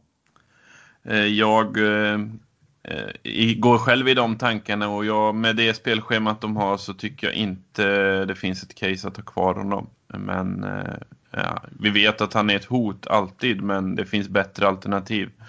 Byt honom till Watkins som har ett riktigt fint spelschema eller eh, Bamford som har kommit igång. Men eh, jag hade gått på Watkins-spåret. Ja, vi har ju som du säger Watkins, vi har Bamford, vi har Wilson som inte är jättemycket mer pengar. Uh, så att uh, jag tycker nog att det är ett läge där, uh, Bys, att uh, skicka, skicka honom. du var inne på spelschemat. De har ju ett jättetufft spelschema. Möter West Ham borta nu i Game Week 8 innan landslagsuppehållet. Det är en tuff match. Sen har de Everton, Leicester, City, Liverpool. Ja, det är liksom fram till Game Week 12. Eh, det är röda matcher hela vägen. Ja, absolut. Jag, jag, kan dessutom, apropå rött, jag kan se ett rött kort från Mitrovic. Jag vet att han har det i sig också. Så att, ja, jag hade klivit av det tåget nu. Jag tycker det är ett bra läge. Eh, Challe Bengtsson Jarup, eh, Calvert Lewin kommer få det svårare att skapa mål framöver känns det som. Vem är bästa ersättare i samma prisklass? Eller ska man gå billigare? Eh, Watkins finns ju där med tanke på Villas spelschema. Han har vi pratat om. Ja, eller eh, Wilson har vi också nämnt. Som är, och då kan man investera mer pengar i mittfältet som vi har nämnt tidigare också. Ja, eh, nej, men det, det, finns absolut case för det. Eh, jag tycker eh, kanske inte helt att man ska döma ut Calvert Lewin. Jag tror att eh, han kommer fortsatt göra mål. Med ett ganska bra spelschema. Möter United nu. Jag vet inte riktigt om det är en bra eller en dålig match faktiskt. Men sen efter det så är det Fulham. Eh, efter landslagsuppehållet. Supermatch. Leeds efter det. Burnley efter det. Ja, alltså tycker kanske inte att man har jätteproblem med Calvert Lewin. Eh, och eh, eh, Richarlison han har ju sin avstängning men kommer komma tillbaka. Eh, Digné är tillbaka redan nu som kommer vara viktig med sina fina crossbollar in till Calvert Lewin som är stark på huvudet. Eh, jag tror att vi kommer ha en James Rodriguez tillbaka väldigt snart också. Så att eh, ja, har man suttit på Calvert Lewin sen tidigt och varit med och byggt upp pengar i honom så kanske man ändå ska sitta kvar. Men eh, det finns bra, bra alternativ. Du nämnde flera av dem där. Yes. Eh, Tobias Karlsson han undrar om man bör ersätta Ings och vem byter man in i så fall. Och där kanske vi får säga det att eh, vi får nog nästan utgå från att Ings eh, inte är skadad och bort borta. För att är han det, ja men då behöver man ersätta honom. Men eh, om, eh, om Ings visar sig vara hel, tycker du det är en spelare man behöver eh, göra sig av med nu? Nej, det tycker jag inte. Han är väldigt nyttig för sitt lag och eh, formen är på uppåtgående så att det kommer komma mål och poäng från honom. Vi vet att han, eh, när han kommer igång så blir han en poängmaskin. Mm. Bra matcher också. Ja. Så jag tycker inte man behöver göra sig av med honom. Är han skadad så har vi redan nämnt massa alternativ. Så det är samma spelare som, som vi har nämnt. Och de är ju desto billigare än Ings så där sparar man in lite pengar.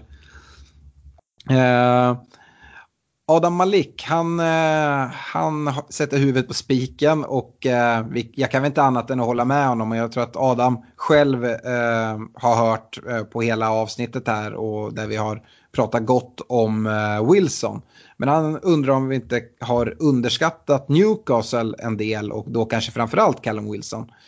Eh, spelschemat de kommande sju gameweeksen ser ändå ganska okej okay ut, eh, bortsett från möjligtvis Chelsea hemma i gameweek 9. Uh, eh, Callum Wilson ligger dessutom precis bakom alla mål de gör. Hans expected goal på 6,13 är ju bäst i ligan och hans expected goals non-penalty på 1,76 är fjärde bäst, endast 0,5 efter Kane. Så här långt. Eh, med tanke på Bamfords spelschema, Antonio skada Mopeys situation i Brighton och Watkins många blanks så måste väl Wilson ändå ses som ett starkt alternativ i det prissegmentet. Eh, det låter som att Adam har bra koll på vad han snackar om. Har, kikat in i statistiken också. Eh, och det har vi också gjort och jag håller med.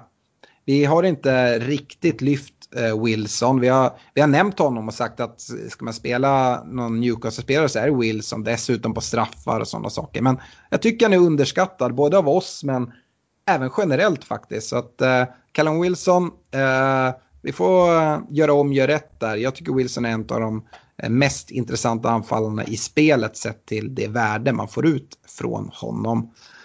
Eh, ska jag dock lägga till det som Adam är inne på med tanke på Bamfords spelschema. Jag tycker inte att Leeds spelschema är så dåligt sett till, eh, till Bamford som spelare.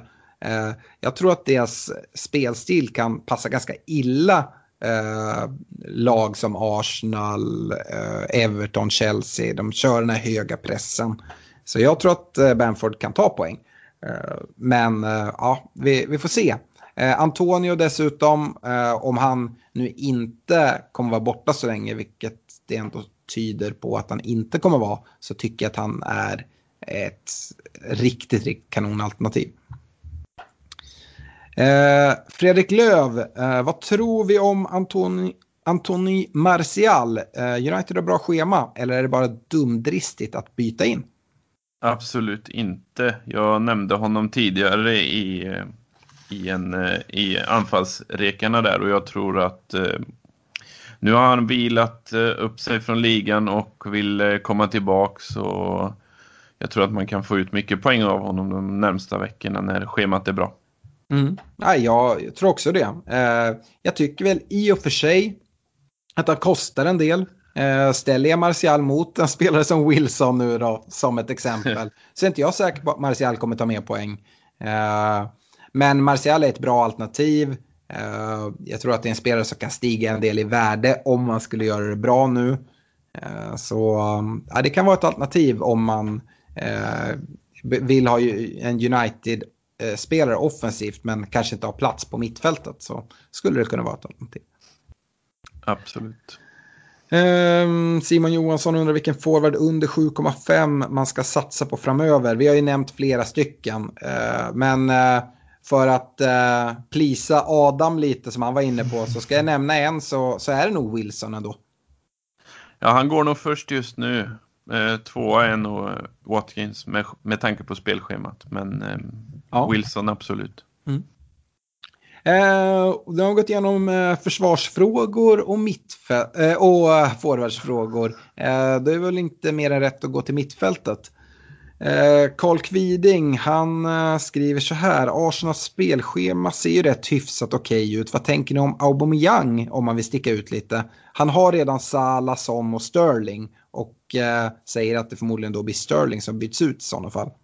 Eh, det tycker inte jag med tanke på att eh, Citys schema strax vänder och eh, visst Arsenals schema ser bra ut men eh, han har inte riktigt nått upp till den eh, standarden vi är vana vid skulle jag säga. Ja, han är bra men man vill ha mer poäng utav honom för att investera den pengen. tycker jag. Ja, jag skulle vilja se mer offensiva tendenser från Arsenal. Som jag var inne på i matchgenomgången, jag tycker att Arsenal framförallt ser intressant ut rent defensivt. Aubameyang är en jättebra spelare och kommer ta poäng. Dock så väldigt högt prisad.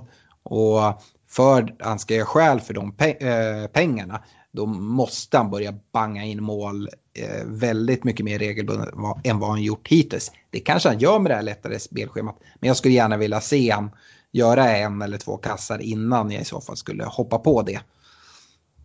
Eh, jo, Joakim Traunschning eh, skriver, kommer Jota få starta? Eh, ja, han gör ju en del mål just nu. ja, han är ju riktigt het så att jag tror inte Klopp kan annat än att ha honom i elvan just nu. För det, man måste ju smida medan järnet är varmt på en sån spelare för han, han kommer inte fortsätta med det i all evighet, det vet vi. Eh, Kän, men... Känns svårpetad tycker jag. Ja jag ser bara nu, jag kollar inte på matchen eftersom vi håller på att podda. Däremot ser jag att han blev utbytt i minut 66 istället för Firmino. Tycker det tyder på att om inte det rör sig om en skada, vilket jag kanske inte tror att det är, eh, så är det för att han ska vara lite fräsch till helgen dessutom. Så att jag tror att eh, Jota kommer starta till helgen om de tvingar mig att gissa nu. Eh, oavsett om de egentligen spelar en 4-2-3-1 eller en 4-3-3. Det är i alla fall min gissning. Eh, sen så om det betyder att man ska eh, gå in på Jota just nu. Ja, alltså eh, det skulle kunna vara en kortsiktig pant. Men jag är inte så säker på att Jota är en spelare kom, som man kan vara säker på vecka efter vecka kommer starta. Å andra sidan, till det, det pris han ligger på. Eh, ja, alltså det, det är klart.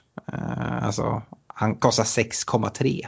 Ska han hålla på och panga in mål så här? Och, eller ska han eh, börja spela eh, väldigt mycket, både i form av eh, kanske inhopp men eh, framförallt starter. Ja, men det kommer komma poäng från den foten och till en prislapp på 6,3. Ja, var, varför inte? Det är ju kanske eh, ett riktigt bra differential-val. Det nämnde vi ju inte eh, när vi tog ut våra differentials. Nu möter de City till helgen, men han ägs ju bara av 3,5 procent. Absolut. Och um, har man budget för det och inte går så dyrt i backlinjen exempelvis så, um, så är det ju inte så dyrt att sätta honom på, på bänken med tanke på det låga priset. Nej. En startspelare det, det... i det här corona, vi vet att vi behöver ha startspelare på bänken och får man in honom där så är det ju kanon. Ja, jag, jag tycker det enda som gör det svårt för mig det är att det är extremt trångt om platserna på mittfältet. Det finns så många spelare jag vill ha på mittfältet. Eh, men eh, det är absolut en spelare som man skulle kunna chansa med. Eh, Pontus Nilsson, han undrar om man borde sitta kvar med en spelare som Jorginho som bänkspelare. Eh, resten av mittfältarna är Sala, Saha, Graylish och Son. Så jag gillar mittfältet. Absolut, det var ju ett riktigt bra mittfält. Och jag, jag blir lite osäker på eh, hur mycket han eh, kommer att spela och hur mycket poäng han kommer att ta, eh, Jorginho. Jag, jag tycker i den prisklassen så finns det andra man kanske kan få in någon lite bättre där, men jag, det, det är ett svårt val. Han, är, han har ju ändå straffar när han väl spelar. Ja, det är som du är inne på. Det man är orolig för är just hans speltid. Han är straffskytt, eh, billig spelare så man kan sitta med honom där. Det är kanske inte den spelare jag hade valt eh, just nu eh, i en sån position. Men har man honom, ja det beror lite på vad man har för andra bränder att släcka. Men om du bara har ett byte och ska göra så, jag hade hellre tagit in en spelare som Zuzek om man dessutom sparar Eh, lite pengar, man sparar väl 0,4 tror jag. Eh, West Hams fina spelschema. Eh, en, och Zuzek en given startspelare. Man har heller inget problem att sätta Zuzek på bänken någon gång. Men sitter han etta på bänken och få in honom så kan det mycket väl komma, komma poäng. Och man kan även spela honom eh, i nästan vilken match som helst. Och Zuzek i kommande match kan ju vara ett hot eh, med ja. fasta situationer och sitt starka huvudspel. Ja, eh, så det är väl om man inte har några andra problem. Jag tycker inte det är någon annan på mittfältet han behöver stressa och ta ut i alla fall. Så eh, det beror lite på hur resten av laget ser ut. Eh, Anton Hedberg, undrar om det är dags att ta in Kevin De Bruyne igen. Eh, utan någon striker blir det han och Sterling som får steppa upp poängmässigt. För visst kommer City ändå ta sina poäng även om det sitter långt inne, skriver han. Vi har nämnt det innan, men eh, till denna matchen kanske man inte behöver liksom skynda till honom. Jag tror inte att han kommer eh, skjuta som en raket i värde förrän om en två, tre game weeks. Så kanske till inte till denna, men nästa game kan det vara eh, luta sig åt att ta in honom. Mm. Nästa Game möter de Spurs, men det skulle kunna vara okej okay ändå. Sen är det framförallt från Game Week 10 då riktigt fint spelschema börjar. Eh, ja men det jag vill säga till Anton där är att jag är lite tvärt, tvärt emot där eh, mot hans tanke. Jag tycker det är bra att ta in Kevin De Bruyne eller Sterling. Däremot så tror jag att både De Bruyne och Sterling skulle må väldigt bra av att ha en striker där framme. Eh, I form av helst Agüero, men även Jesus då som, som eh, är närmare en återkomst. Eh, jag vet inte om Jesus fick något inhopp idag, men han satt i alla fall på bänken. Eh, Kasper Eriksson, han eh, är inne på att Everton har tappat lite grann. Eh, vilket kanske är naturligt, dels för en eh, superfin start men också i form av Richarlison avstängd och en Chamez som har varit så viktig som har varit skadad. Eh, men han undrar om det är dags att redan nu byta ut Chamez. Det, kan, det finns case, det är många spelare som är på väg in. Vi har Siers till exempel i ungefär liknande prisläge. Så det behöver inte vara fel. Eh, men eh, det har ju snackats lite om att han ska vara tillbaka nu. Men eh, det behöver inte vara, vara fel att ta in exempelvis då Siers. Nej, jag tycker det är lite, lite klurigt. Jag tycker Chamez har sett jättebra ut. Jag tror han kommer fortsätta göra det bra. Everton har ett fint spelschema. Det har jag varit inne på när vi pratade Calvert Lewin. De har Fulham efter landslagsuppehållet. Frågan är dock, ska, ska han iväg på landslagsuppehåll, då vet vi det. Då är det Colombia, det är Sydamerika, kanske kommer sent tillbaka. Um, men uh, det är trångt om mittfälts, mitt, mittfältsplatserna. Jag, jag, säger det än en gång. Uh, men uh, jag tycker inte att man behöver stressa bort uh, James Rodriguez om man inte har bytt ut han redan nu. Jag tycker definitivt att man håller i bytet och ser vad de säger för, uh, inför presskonferenser och så för helgen. Så jag kanske startklar mot United. Då tycker jag inte man byter ut honom. Är han fortfarande skadad, ja, då kanske det finns ett case ändå. Absolut. Eh, det var mittfältsfrågorna vi hade fått. Sen så är det en del andra frågor som man kanske inte kan klassa in som eh, försvar, mittfältare eller forwardsfrågor. Kanske mycket byten och mycket handlar om Opay. Vi kan väl börja med Chris Karlsson. Han skriver att han sitter med Antonio, Mitchell, Size, Pulisic och Mopey. Det kan bli en del minus här. Uh, ja, vad, vad säger du? Hur prioriterar man byten här? Ja, vi vet att Mopey, han, eh, han är i, eh, ute, långt ut på kanten. Antonio är skadad, men ja, Frågan är hur långt borta Antonio är från att komma tillbaks. Han kanske inte det är den, branden, den första branden man släcker utan ehm, eh, nej, jag hade nog ändå bytt ut Mopay först. Ja, eh, personligen, jag hade bytt ut Size först. Eh, jag tycker att det är ändå en del pengar uppbundet till honom. Jag tycker det finns fina alternativ runt samma prisklass. Eh, och dessutom, ja, i form av Zuma till exempel i, i Chelsea. Eh, man skulle kunna Eh, gå ner från size till Killman, få spara in pengar där. Eh, Pulisic, en spelare jag tror kommer vara tillbaka snart och då sitter man fint med honom. Eh, Mopey, jag vet inte, vi har inte hört något speciellt mycket. Det har varit en del rykten. Men jag tycker man kan avvakta där också, framförallt presskonferenser men kanske även en game week till. Eh, Mitchell, en spelare jag inte tror kommer spela speciellt mycket. Å andra sidan kanske man kan bara sätta en längst ut på bänken eftersom han inte kostar så mycket. Så att, tycker inte det är ett byte man behöver prioritera. Eh, size är nog den jag hade prioriterat att byta först. Eh, här är en annan som sitter med, med Mopay. Eh, Tobias Tim, han har bara ett fritt byte eh, och behöver göra något åt Mopay, Trent, eh, Harvey Barnes och Jimenez. Och de man framförallt tittar mot är eh, Callum Wilson, Jamie Vardy, Cresswell eller Beirin och eh, Siers.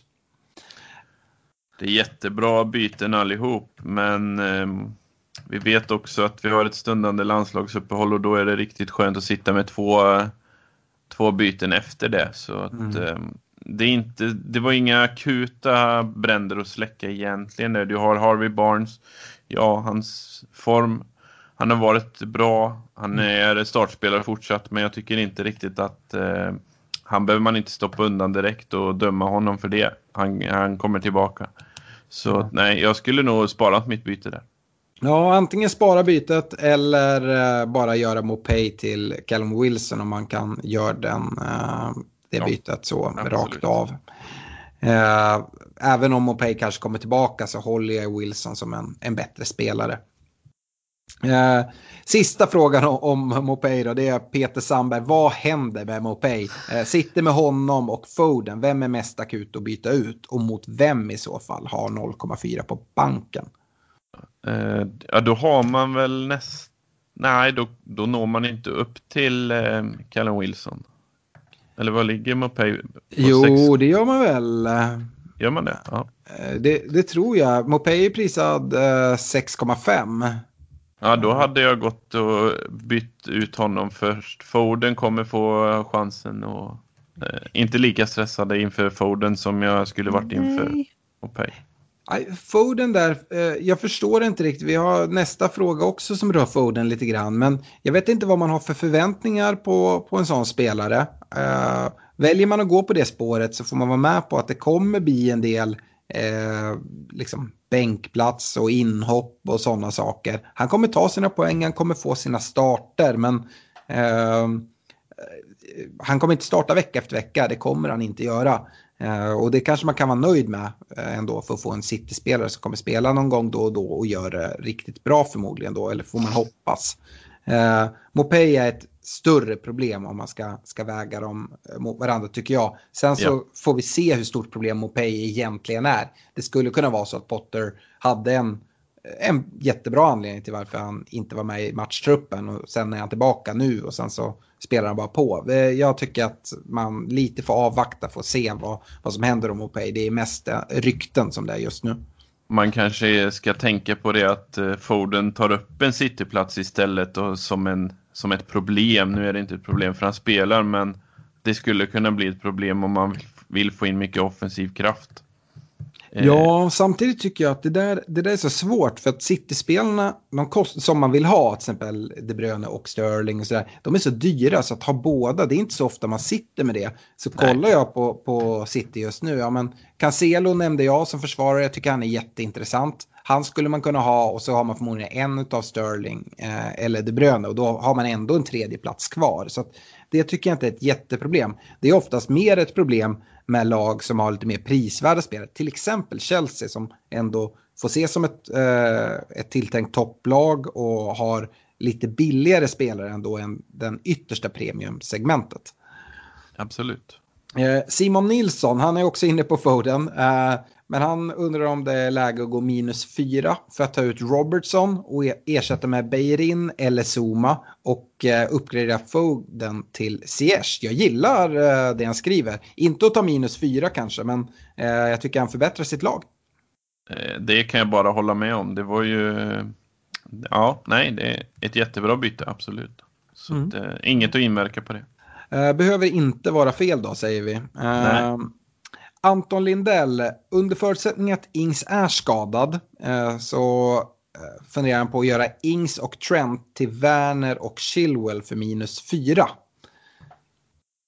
Eh, det behöver inte heller vara fel, men ja. Ska man köra trippla upp i Chelsea låter det nästan som att han har någon mer där. Men, eh, ja, jag, vet, jag vet inte om han har någon mer, men jag tycker det finns ett case att trippla upp i Chelsea. Men ja.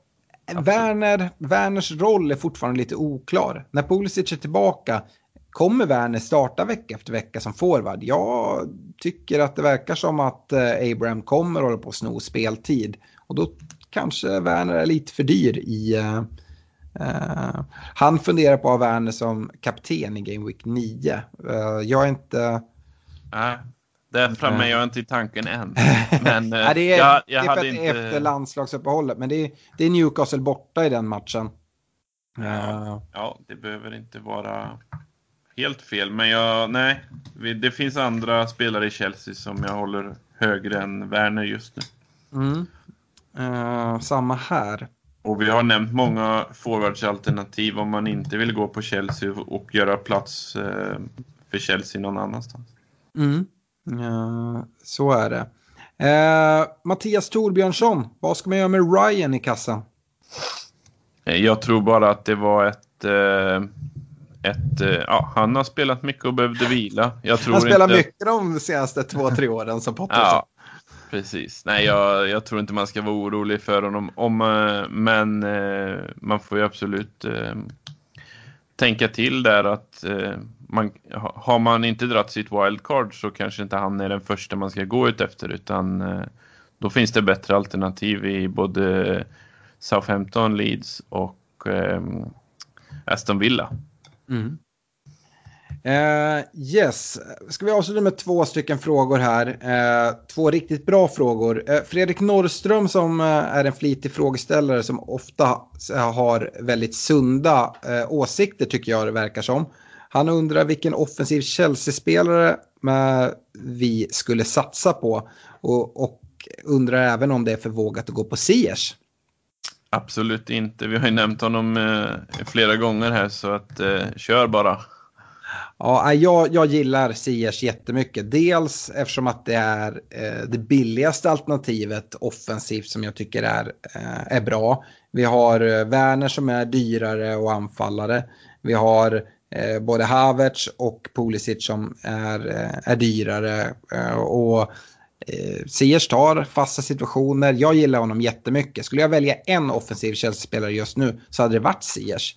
Jag tror dessutom att det kanske är den uh, utav spelarna som riskerar minst rotation sett till konkurrens. Visst, Hudson och Doy finns där, uh, men jag ser mer troligt att Lampards gulle-gull-gosse Mason Mount kan sno speltid från Havertz centralt. Och eh, vi ser att eh, Werner används en del eh, ute till vänster och då kan sno speltid från Pulisic som dessutom har haft en del skadehistorik. Så eh, jag, jag gillar Ziyech. Jag skulle säga att det är det bästa alternativet just nu och dessutom som sagt det, det billigaste av dem. Eh, den, eh, nästa fråga då som jag också tycker är väldigt bra kommer från David Törning. Hur tänker ni kring firma Son och Kane? Spurs schema efter Game Week 8 ser tufft ut. Kill your darlings? Frågetecken. Eh, jag skulle inte lämna båda men eh, kanske byta ut en av dem och eh, där får man ju eh, gå på sin fingertoppskänsla. Eh, kommer Kane fortsätta leverera? Schemat, vi vet att schemat blir tuffare. Eh, jag, jag, tror att det finns mer poäng att hämta i, i Kane än vad det finns i, i Son. Så mm. att jag hade lämnat eh, Son i första hand. Mm, och just där har vi även det här mittfältet som då är så trångt om platser. Så att eh, jag tror också att man kanske ska gå utan Son där. Sen är det alltid det här eh, om man ska gå på, på form eller spelschema. Eh, Spurs har ändå visat väldigt, väldigt fin form och kanske framförallt då Son och eh, Kane. Men eh, jag har lite svårt. Jag ser här efter landslagsuppehållet, då är det City, det är Chelsea och Arsenal som är kommande tre. Jag ser ett case att lämna båda. Eh, för att satsa på ett riktigt, riktigt starkt mittfält. Alltså downgrada Kane på anfallssidan och sen ta in en premium mittfältare där istället för Son. Och kanske få in något ännu mer bättre på, på mittfältet också.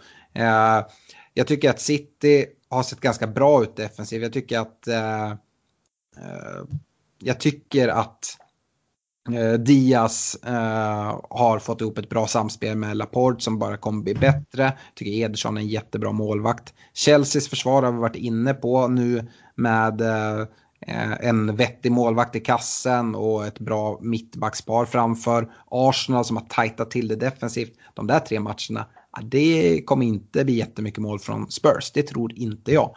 Så eh, jag ser absolut ett case att lämna båda Sen kan man bli straffad av det, men äh, det, är, det är ett aggressivt drag och jag gillar det. Kör på. Eh, med det så har vi spelat in väldigt, väldigt länge och Kristoffer, eh, jag tycker att eh, det blev eh, ett matigt eh, avsnitt. Men nu återigen, vi påminner om tidig, tidig deadline på fredag. Och önskar alla ett stort lycka till och så hörs vi igen nästa gång när det är landslagsuppehåll. Ha det bra! Lycka till!